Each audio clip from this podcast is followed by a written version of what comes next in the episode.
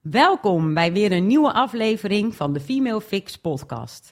Ik ben Marianne Bruin, founder van de Female Fix en daarmee wil ik vrouwen inspireren om de regie over hun eigen leven te behouden door financieel zelfredzaam te zijn. Een belangrijke voorwaarde in de weg naar vrijheid en gelijkwaardigheid. In elke aflevering ga ik in gesprek met een andere vrouw, zodat jij en ik geïnspireerd raken en we van elkaar kunnen leren. Vandaag gaan we het hebben over impact beleggen door middel van crowdfunding.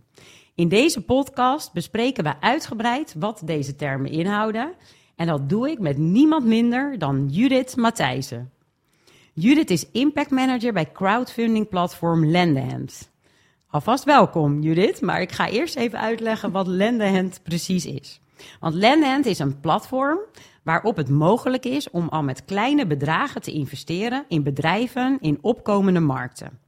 Dit zijn landen als bijvoorbeeld Mexico, Zuid-Afrika, Oezbekistan of Indonesië, die bezig zijn om uit te groeien naar een economisch ontwikkeld land. Bedrijven in opkomende markten hebben de kracht om zowel economische als sociale impact te maken. Deze bedrijven creëren zo'n 60 tot 70 procent van de nieuwe werkgelegenheid.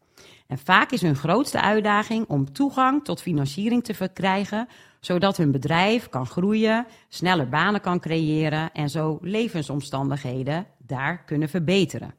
En daar biedt Lendahand dus een oplossing voor door middel van crowdfunding. Projecten van ondernemers in opkomende landen worden gefinancierd met geld afkomstig van mensen zoals jij en ik. Daarover krijg jij rente en na een bepaalde tijd krijg jij de investering weer terug. Dat klinkt natuurlijk als iets heel moois en iets heel nobels. En daar heeft Lendent ook diverse prijzen voor gewonnen. Bijvoorbeeld uh, drie keer de Gouden Stier voor beste crowdfunding platform. Maar ik weet ook dat crowdfunding toch vaak een beetje spannend in de oren klinkt. En we weten dat vrouwen beleggen sowieso een beetje spannend vinden. Dus ik ben heel blij dat jij er bent, Judith. Want jij kan hier alles over vertellen. En uh, daarom wil ik eigenlijk ook gewoon bij het begin beginnen. Hè? Want als we het hebben over crowdfunding, waar moeten we dan precies aan denken? Wat is het?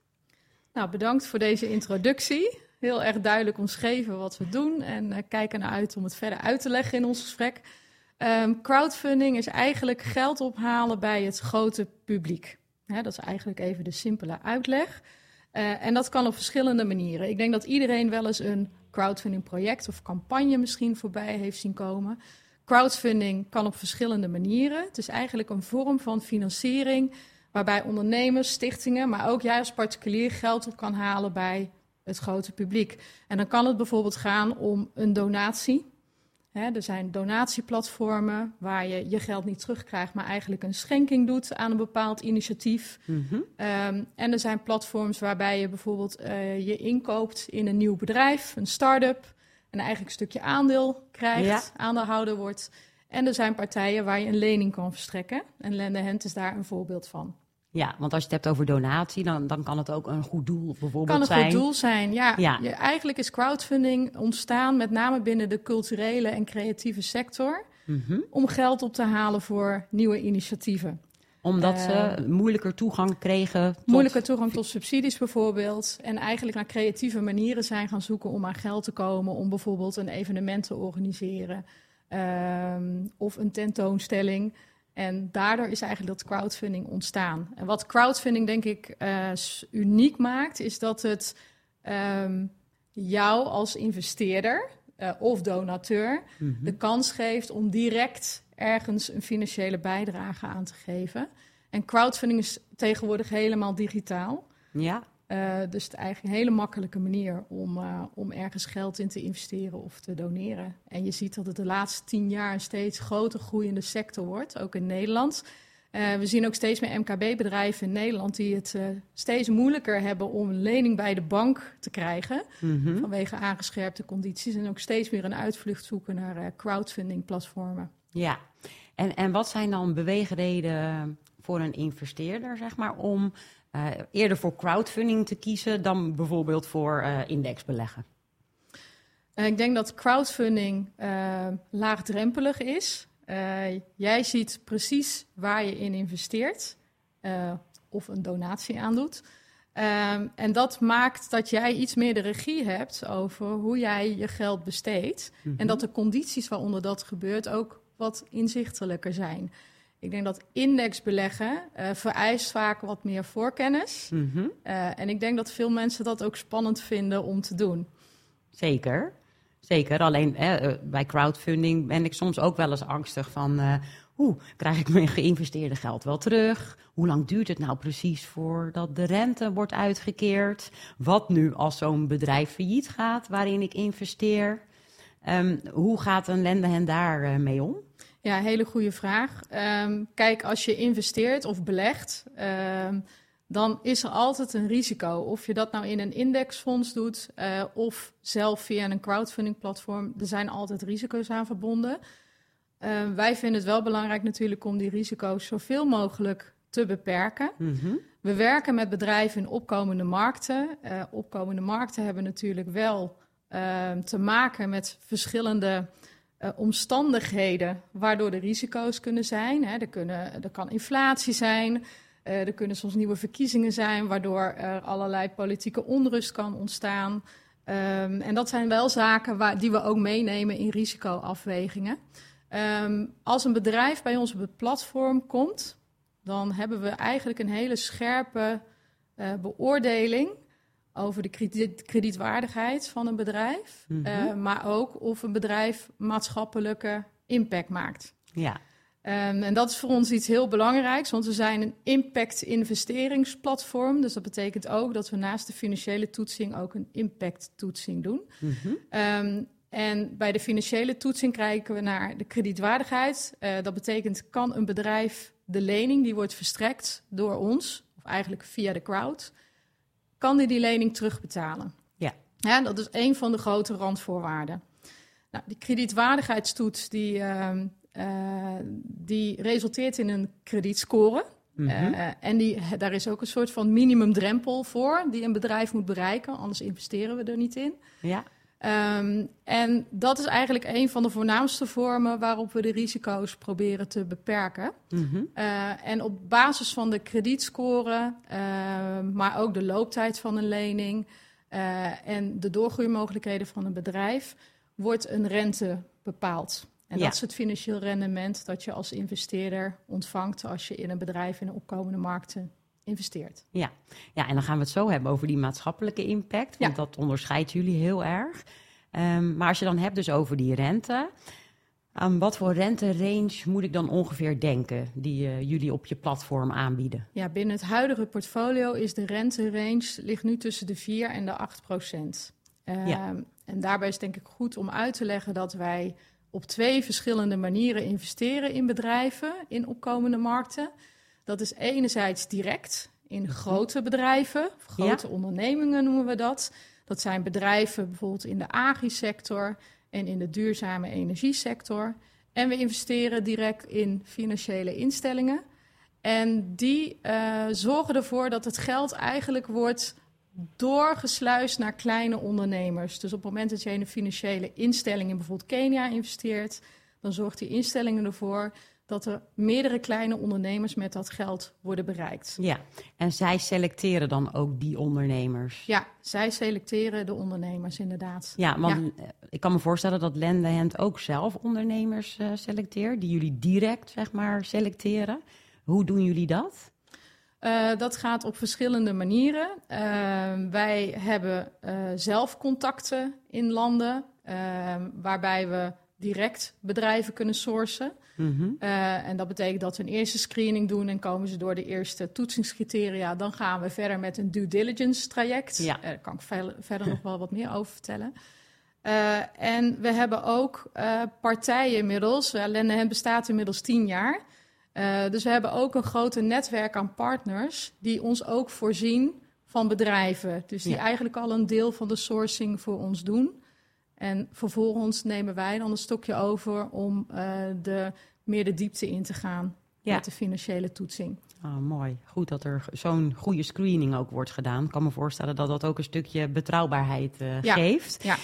Uh, en als we dan even hebben over dus de rente, die varieert dus van 4 tot en met 8 procent. Hoe vaak En hoe snel krijg je dan die rente uitgekeerd? Ja, dat is een goede vraag. Uh, want je wil natuurlijk wel weten hè, hoe je geld terechtkomt, maar ook Ja. hoe je het weer terugkrijgt. Ja. Ehm, bij Lende Hand investeer je in principe in een project met een looptijd tussen de 12 of 36 maanden. Ja. Ehm, en tenzij het anders wordt benoemd, krijg je om de zes maanden krijg je een terugbetaling met rente. Dus stel, jij investeert 200 euro in een financiële instelling in Kenia met een looptijd van 24 maanden, dus twee jaar. Dan krijg je om de zes maanden 50 euro terug Ja. met een stukje rente. Ja. Oké, dus je krijgt ook al een stukje van je investeringsbedrag terug. Ja. Ah, Ja. Dat gaat eigenlijk hand in hand. Dat gaat hand in hand. Ah, ja, precies. En dan eh, als een lening dan twee jaar duurt, dan na twee jaar heb je eigenlijk je volledige geïnvesteerde bedrag Klopt. terug. En daarbovenop heb je dan nog een stuk rente Klopt. wat je ontvangt. Ja. Oké, mooi. En dan is aan jou de keus eh, om dat geld eventueel weer te herinvesteren in een nieuwe ondernemer. Ja. Eh, of het weer terug te halen voor jezelf. Ja, en je kan natuurlijk ook eh, in verschillende projecten tegelijkertijd investeren als je zou willen. Zeker. Dat Ja. gebeurt ook op jullie platform. Dat gebeurt. Ja, we hebben vaak meerdere projecten tegelijk openstaan. Ehm, en dat geeft mensen ook keuze. Eh, maar ik denk ook dat het heel belangrijk is als mensen gaan investeren, afhankelijk van het bedrag wat je doet, dat je ook goed kijkt naar spreiding. Ja. Hè, dus als jij 2000 euro gaat investeren, dan adviseren we ook wel dat je dat niet eh, altijd in één project stopt, maar dat je dat wel spreidt over verschillende projecten. Ja. ja, en datzelfde geldt natuurlijk sowieso met beleggen. Een stukje crowdfunding is hartstikke mooi. Maar daarnaast is het ook verstandig hè, om een stukje te indexbeleggen. Eh, ja, zodat je ook gewoon je risico's een beetje spreidt. Lendehand is een van de weinige platformen, tenminste, eh, ik heb een beetje research gedaan, hè, wat, wat al zo ver is. Ehm, en, en wat je ziet met eh impact beleggen, het is natuurlijk best wel moeilijk voor de traditionele partijen hè, om dat te gaan toevoegen. En Ja. er zijn inderdaad veel meer partijen die er nu mee aan de slag gaan. Maar dan heb je het nog best wel over hoge bedragen die je Ja. moet inleggen. En Klopt. dat vind ik wel heel mooi aan crowdfunding. Dat je dat echt al met lage bedragen kunt doen. Precies, dat is denk ik het stukje laagdrempeligheid. Kijk, er zijn naast ons ook meer impactfondsen hè, die bezig zijn in opkomende markten. Ja. Wij zijn zeker niet de De enige. enige? Nee. Eh, maar dan beleg jij echt in een fonds en die belegt het voor jou weer in Precies. bedrijven. En daarmee eh zorgen zij natuurlijk ook dat eh, je risico wordt gespreid. Maar weet jij niet direct in welke bedrijf je investeert. En dat is het grote verschil. Dus wat je zegt, dat de inleg vaak ook een stuk groter moet zijn. Ja. Ja. en misschien dan nog goed om als laatste nog heel even het risico aan te halen. Hè? Ehm, want je zit er ook al een tijd. Ehm, wat is nou het percentage in je portfolio wat fout kan gaan? Dus een bedrijf Ja. die het niet redt. Ja, nou, een hele terechte vraag. Ehm, nou, wij zien bij de financiële instellingen waar we in investeren, ehm, dus die eigenlijk lening verstrekken aan die kleinere bedrijven, ehm, die dekken eigenlijk een deel van onze risico's al af. Dus we zien Mhm. met name in dat portfolio, dat is nu ongeveer 70% van ons totale portfolio, dat het afschrijvingspercentage nog geen halve procent is. Dat is heel laag. Ja, bij de grote ondernemingen waarbij we direct investeren, is het afschrijvingspercentage de afgelopen 10 jaar 5% geweest. Mhm. Ehm, ja, en daar hebben wij ook weer een les uit getrokken om eh, voor dat soort bedrijven de investeringscriteria ook verder aan te scherpen. Ja. Ja. En het rendement dus te verhogen, zodat Ja. je weet dat er meer risico Ja. aan zit. Eh, Waar ik zo van gecharmeerd ben bij Lendehand is het impact aspect. Dus alles wat jullie selecteren dient niet alleen een economisch doel, maar dus ook een sociaal of duurzaam doel. Ja. En wellicht kun jij uitleggen wat we daar nou precies mee bedoelen. Ja, Ehm, ik denk dat het. Ik wil nog eigenlijk heel even terugkomen Ja, op dat je mag. vorige onderwerp. Ehm, als het gaat om risico's en het informeren van de crowd. Hè? Want Ja. je wil natuurlijk dat mensen zo weinig mogelijk risico lopen. Ik denk dat het goed is om eh, te benoemen dat wij een eh, licentie hebben van de Autoriteit Financiële Markten. Ja, Om als beleggingsonderneming eh, te, te opereren. En sinds twee jaar is er ook een Europese wet voor, eh, of een Europese licentie voor crowdfunding platformen. Die hebben we als eerste Nederlandse crowdfunding platform verkregen. Ja, een jaar geleden. En ehm, ja, dat betekent dat je uh, aan heel veel compliance voorwaarden moet voldoen. Schrijft ook voor hoe jij je investeerders moet uh, informeren over de risico's. Dus op onze website zie je ook heel duidelijk informatie over wat voor risico's er zijn, hoe wij die proberen te minimaliseren uh, en hoe we daarmee omgaan. Dat betekent ook dat we bij iedere campagne die online komt heel goed moeten specificeren um, welk of hoe de geldstromen lopen, maar mm -hmm. ook um, ja, wat voor impact we maken, maar ook hoe we de risico's zo minimaal mogelijk proberen te houden. Ja, dus het kan ook zo zijn dat het ene crowdfunding uh, project ietsje risicovoller is dan een ander. Klopt, ja. De dat... rente is eigenlijk uh, be bepalend. Hangt, ja, de rente ja. hangt samen met het risico. Dus ja. Uh, hoe lager de rente, hoe minder het risico. Hoe hoger de rente, hoe hoger het risico. En dat is waar we ook transparant over willen en moeten informeren. Ja, en uh, qua inleg, je kan dus echt al met uh, 10 euro uh, bij sommige projecten starten. Ja, klopt. Het is en heel dat, laagdrempelig. En het ja. loopt door tot en met. Kan je ook, als je wil, uh, ja. 2000 euro ja. inleggen? Ja, je kan zelfs tot 20, 30, 40.000 euro beleggen als je dat wilt. Uh, en voor die grote groep beleggers hebben we nog een apart uh, beleggingsproduct. maar in principe kan je al vanaf 10 euro kan je gaan impact investeren. Dus ook voor mensen met een kleine beurs is het een manier om eens te kijken van... hey, is dit wat voor mij? Ja, en het mooie is dan dus ook dat je echt iets goeds doet. Want ja. je investeert dus in een project die bijdraagt aan een inclusievere of duurzamere leefomgeving. Um, dus komen we op de volgende vraag. Als je het dan hebt over impact beleggen, uh, wat betekent dat nou precies? Waar draag je dan aan bij? Kun je daar een aantal voorbeelden van noemen? Ja, dat kan ik zeker.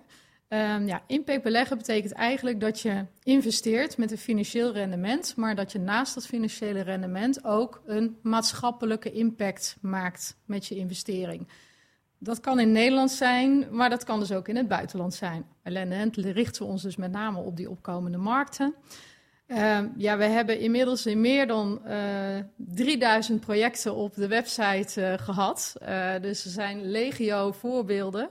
Maar om een aantal te noemen, we hebben uh, een, een, financiële instelling in Kenia. Mm -hmm. uh, die wordt gerund door een vrouw. Het management staat voor, uh, bestaat voor een merendeel uit vrouwen. Mm -hmm. En een groot deel van de microleningen worden ook verstrekt aan vrouwen in die oh, ja? landen. Ja, want en waarom gebeurt dat?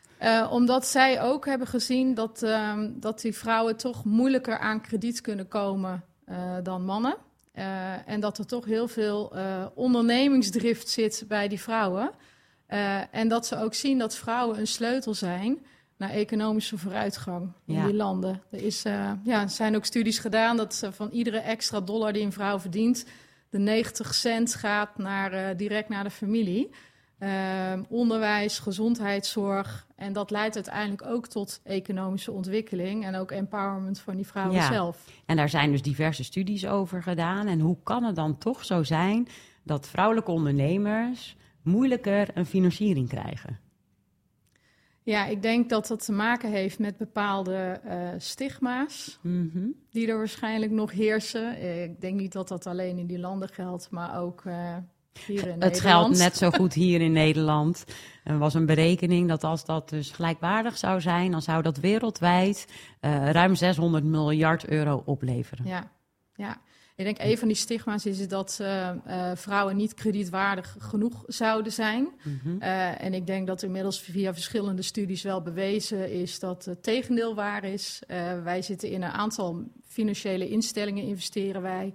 Die geven kleine leningen aan vrouwen. En het blijkt dus dat uh, vrouwen de beste terugbetalers zijn van de leningen. Ja. En het over het algemeen beter doen dan de mannen. Ja, absoluut. En ook als je kijkt naar wat er inkomt en uitgaat, hoe ze dat bijhouden. Ze hebben een hekel aan rood staan.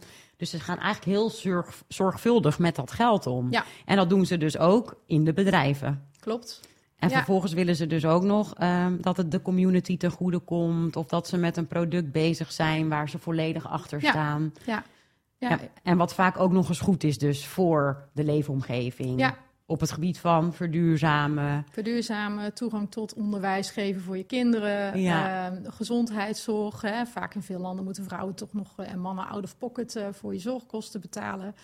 Eh, maar ook ja, het zorgen voor werkgelegenheid. Hè. Als jij een bedrijfje hebt en je begint als één pitter en je kan gaan groeien, betekent het ook dat je banen kunt creëren voor je eigen community. Ja, mooi. Ja. En is het dan ook zo dat Lenda Hand heel bewust ook ehm, meer vrouwelijke ondernemers wil selecteren? Ja, Ehm, ik denk dat ehm, wij de laatste jaren wel hebben bewezen dat een groot deel van onze funding naar vrouwelijke ondernemers gaat.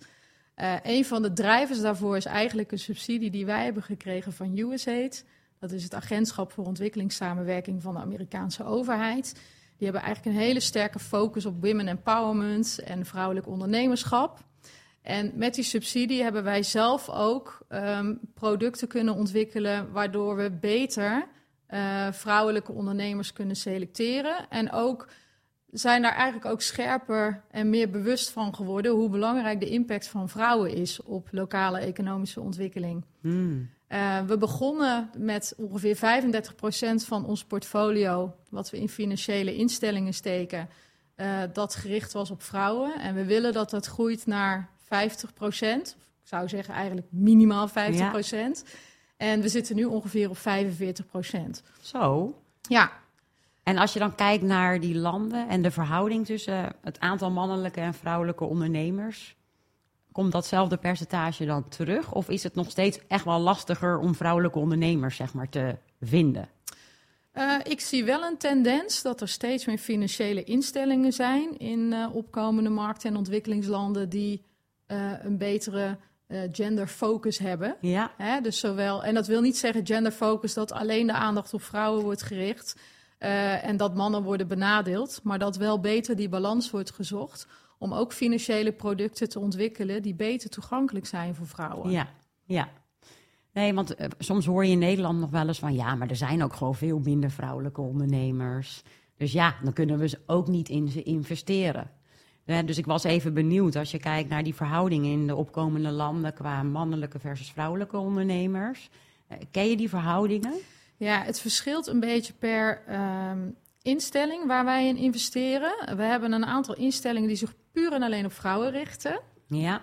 Um, en we hebben ook financiële instellingen waarbij de balans bijvoorbeeld 70% mannen, 30% vrouwen is. Oké. Okay.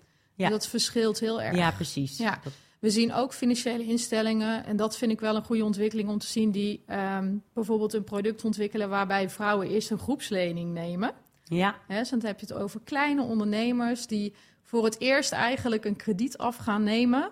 Um, en eigenlijk nog niet kredietwaardig genoeg zijn voor een individuele lening. Mhm.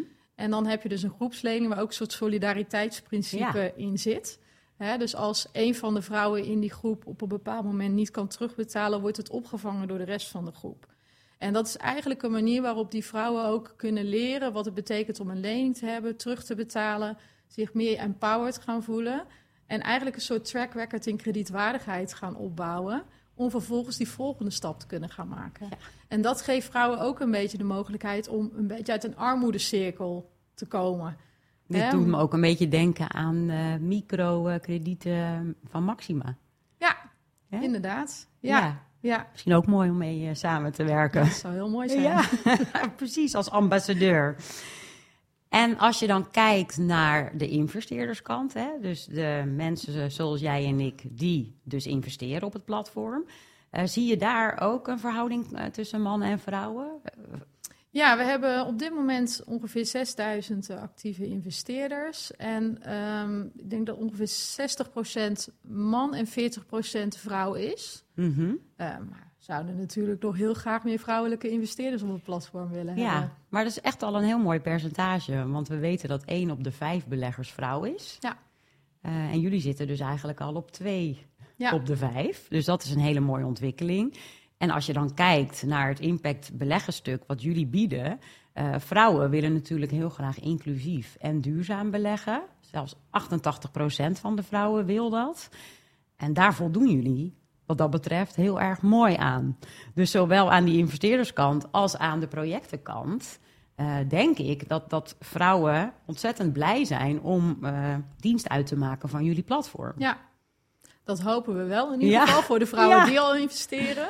Ehm, ja, en ik denk dat er inderdaad ehm, eh, als vrouwen graag eh, maatschappelijke impact willen maken met een belegging, dan is Lende Hand een van de vormen waarin je dat zou kunnen doen. Ja, En ook direct actief invloed hebt waar je het in belegt. Hè? Want ik hoorde eerder een podcast van je waarin heel mooi werd uitgelegd wat passief en actief Ja. beleggen is. ja, Ehm, ja, ik denk dat een crowdfunding platform in die zin een, een mogelijkheid geeft om direct jouw ondernemer te kiezen. Waarin je wil die je wil financieren. Of het type ondernemer wat je wil financieren via een financiële instelling. En je daar ook nog ehm, ja, verhalen over terug ontvangt. Hè? Van wat gebeurt er nou met dat geld? Wat voor invloed heeft zo'n lening nou op een ondernemer? ja, dus je ziet direct het effect van jouw eh, bijdrage. Ja, Ja, Ja. mooi. Ehm, hoe meten jullie eh, de impact? Want jij bent impact manager. ja. Dus ik kan me voorstellen dat jij verantwoordelijk bent hè, voor de meetinstrumenten. Van, nou, hoe breng je nou die impact in kaart? ja. Kun je daar eh, wat over vertellen? Ja, zeker. Ehm, ja, eigenlijk wat we doen met impact, en dat is een beetje een holistisch begrip. Mhm. Alles is tegenwoordig impact. Dus ik voel ook eigenlijk altijd een beetje de noodzaak om uit te leggen wat ik doe. Ehm, maar wat we met de impact bedoelen is eigenlijk van wat nou het effect van jouw lening, zowel sociaal als op het milieu, ehm, op maatschappelijk niveau, maar ook op persoonlijk mensniveau. Ehm, nou, er zijn heel veel manieren waarop je impact kan meten, maar je wil eigenlijk wel op zo'n manier meten dat je ehm, appels met appels vergelijkt eh, en ook binnen je portfolio een vergelijking kan maken. Mhm. Nou, wat wij eigenlijk direct doen is eh, het financiële gat proberen te dichten wat heel veel ondernemers ervaren die eigenlijk gebrek hebben aan toegang tot financiering. Ja. Dat is eigenlijk de meest directe impact die wij maken. Via de crowd eh, zorgen wij dat er geld gemobiliseerd wordt naar die ondernemers. Nou, dat is eigenlijk de sleutel tot verdere maatschappelijke impact. Het kan gaan dat zo'n ondernemer extra banen gaat creëren. Hè, dus een stuk werkgelegenheid creëert. Eh, dat is sociale impact. We investeren in bedrijven die ook duurzame energieoplossingen bieden. Nou, dan kan het gaan om zonnepanelen die worden Ja. geïnstalleerd in dorpen die niet op het elektriciteitsnetwerk zitten. Nou, dan heb je dus eh, toegang tot duurzame energie voor huishoudens. Mhm. En als afgeleide daarvan zie je ook dat het best wel veel impact heeft op levens. Want normaal wordt een kerosinelampje gebruikt, best gevaarlijk en ook niet goed voor je gezondheid. Maar met een zonnepaneel op je dak kun je opeens je mobiele telefoon opladen. Als het om 6, 7 uur s'avonds donker wordt, betekent het ook dat een kind nog kan studeren.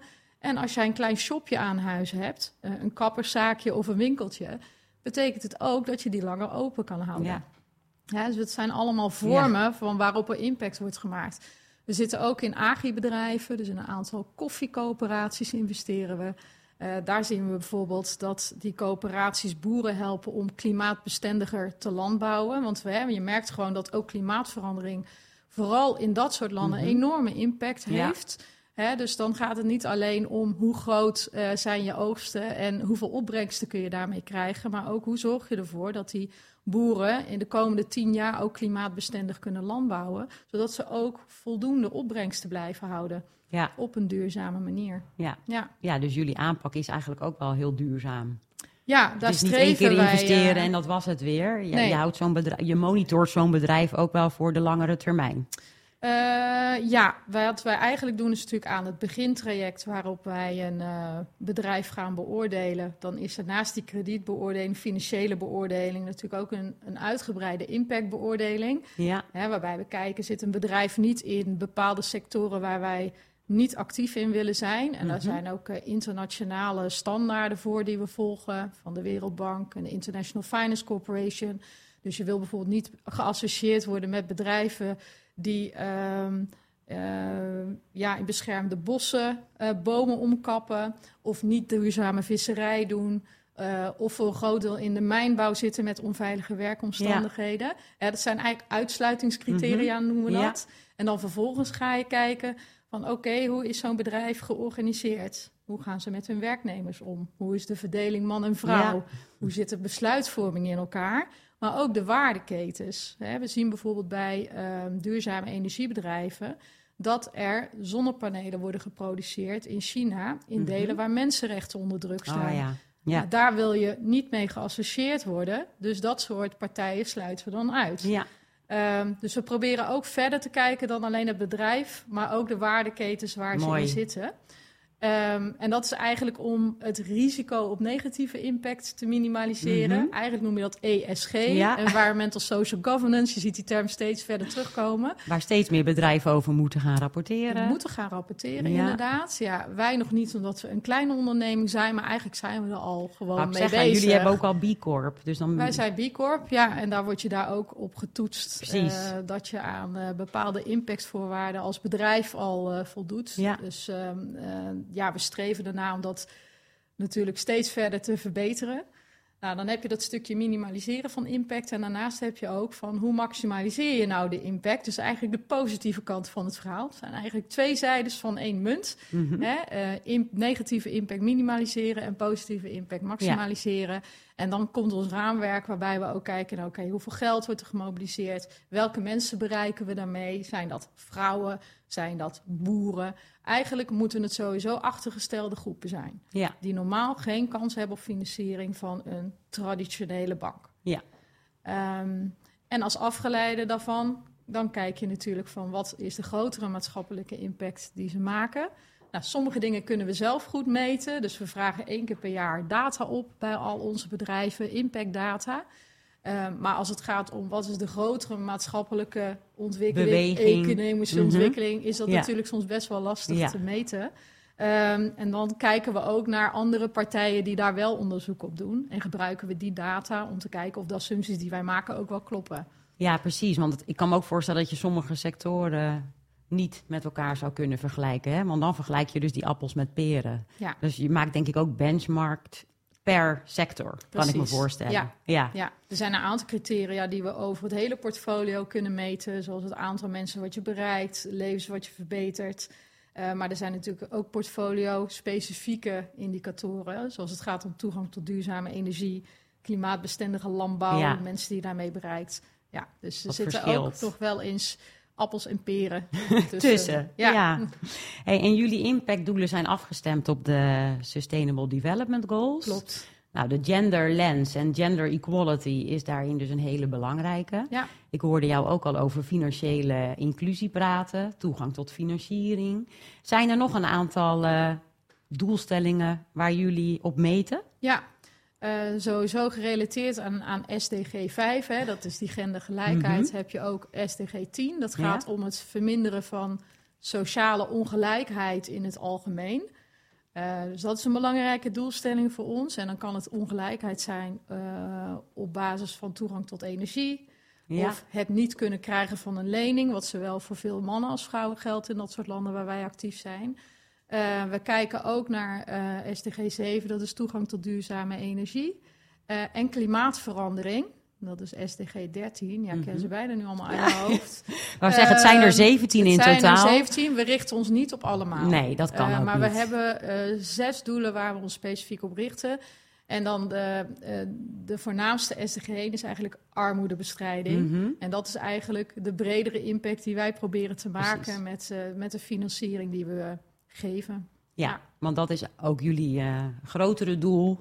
En de missie waaruit Land natuurlijk is voortgekomen. Dat is armoedebestrijding in opkomende landen. En dan opkomende landen, dat zijn geen ontwikkelingslanden meer. Dat zijn dus landen uh, die economisch potentieel hebben, maar daarin nog wel een stukje ondersteuning nodig hebben. Precies. Zeg ik het zo goed? Ja.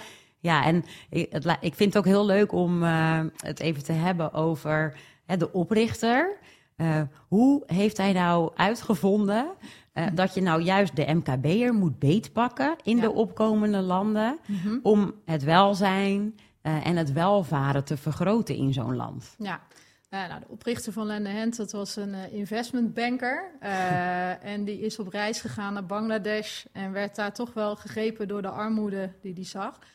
En is zich toch ook wel gaan verdiepen van, goh, wat zijn nou eigenlijk die aspecten die bijdragen aan armoede? Hè? Dat mhm. zijn uh, het gebrek aan scholing, gebrek aan gezondheidszorg, gebrek aan goede infrastructuur, maar ook gebrek aan toegang tot financiering. Ja. Toegang Ja. tot geld.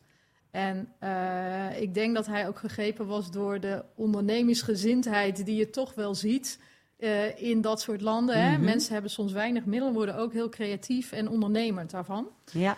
Ehm, en hij heeft, ehm, denk ik, geprobeerd de sleutel te vinden van hoe kunnen we nou heel veel kapitaal wat hier beschikbaar is in westerse landen, slapend kapitaal, waar mensen Mhm. zich eigenlijk keren ze op een bankrekening en ze doen er eigenlijk niks mee. Nee. Ehm, lage rentes bij de bank. Nou, hoe kan je nou mensen mobiliseren om toch nog iets maatschappelijks te doen met dat geld op Ja. een goede manier? Maar ook dat jij daar een financieel rendement voor krijgt. En toen is eigenlijk het idee van Lende Hand ontstaan om dat via een crowdfunding platform te gaan doen. Zodat ook mensen zoals jij en ik direct in dat soort ondernemingen kunnen investeren. Want vaak weet je niet dat die bedrijven er zijn. Nee. En weet je ook helemaal niet dat deze mogelijkheden er zijn. Precies. En die zijn er dus nu. Ja. Gaaf.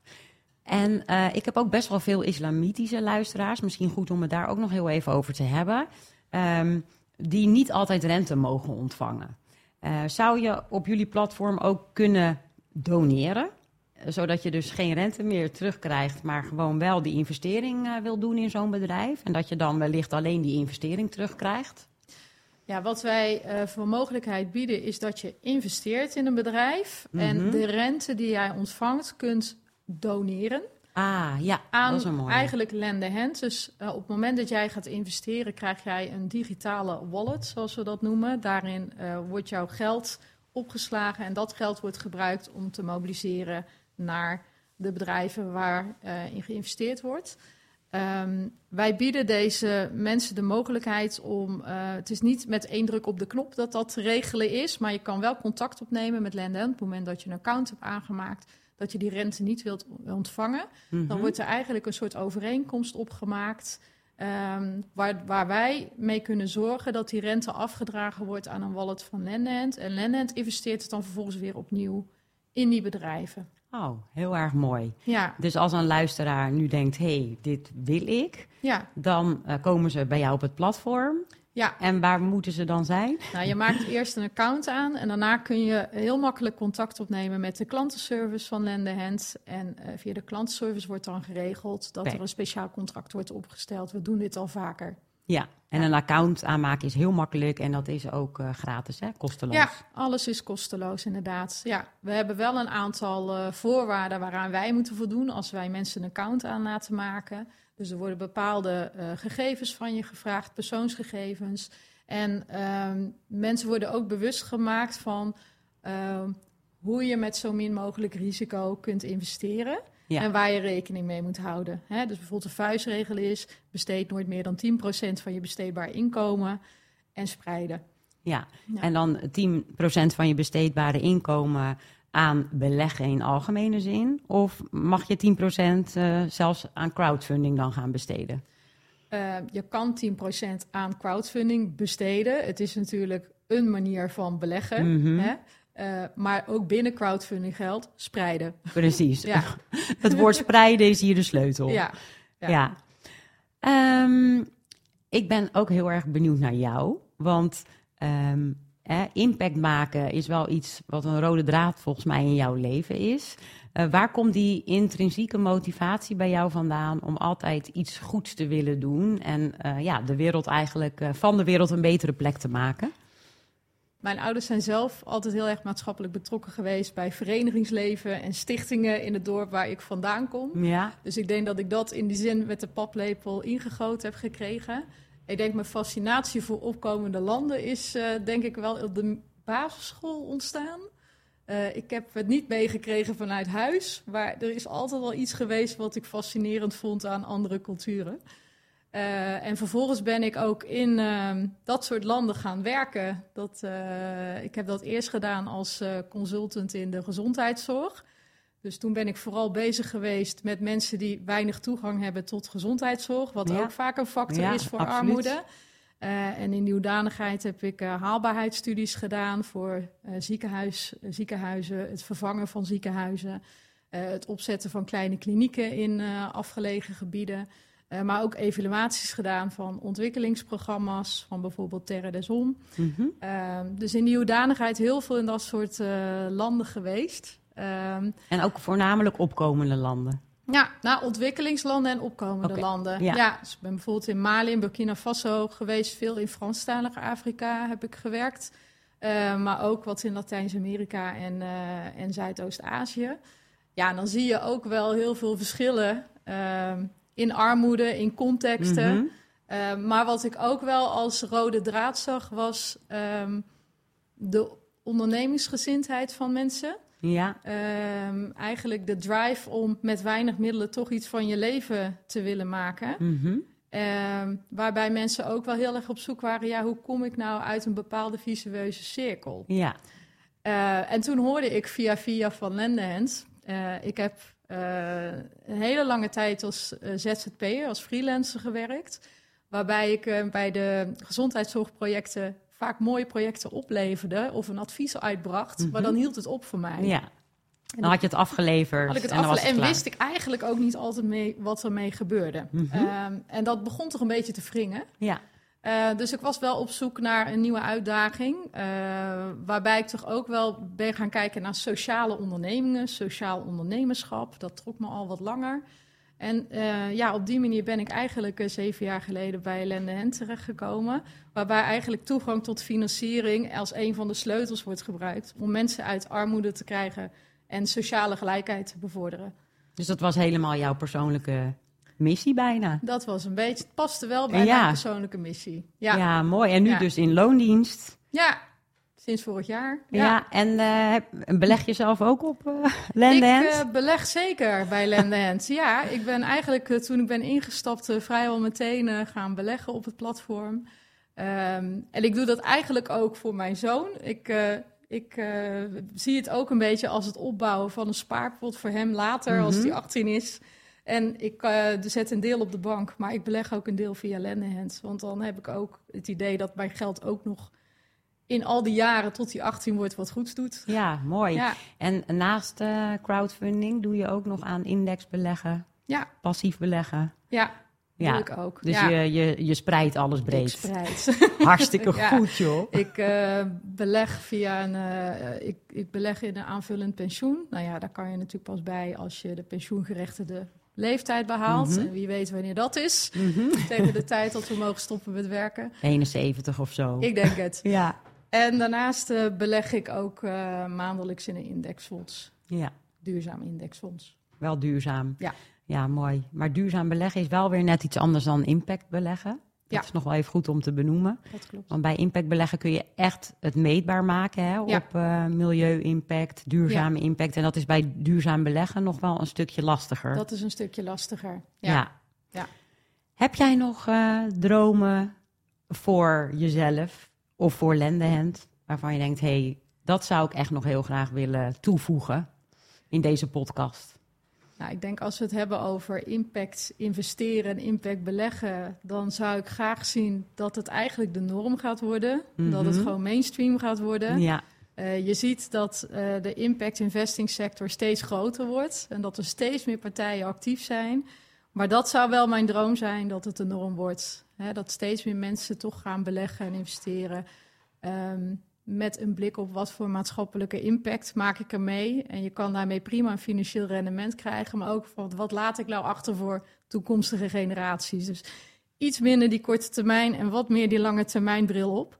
Eh, en voor Lende Hand, als het gaat om vrouwelijk ondernemerschap, eh, dan eh, zou ik heel graag het portfolio waarin wij investeren eh, graag willen vergroten voor vrouwelijke ondernemers. Maar ook nog meer de verhalen willen laten zien. Hoe Ja. dat nou impact heeft op die vrouwen en hoe dat bijdraagt aan maatschappelijk-economische ontwikkeling.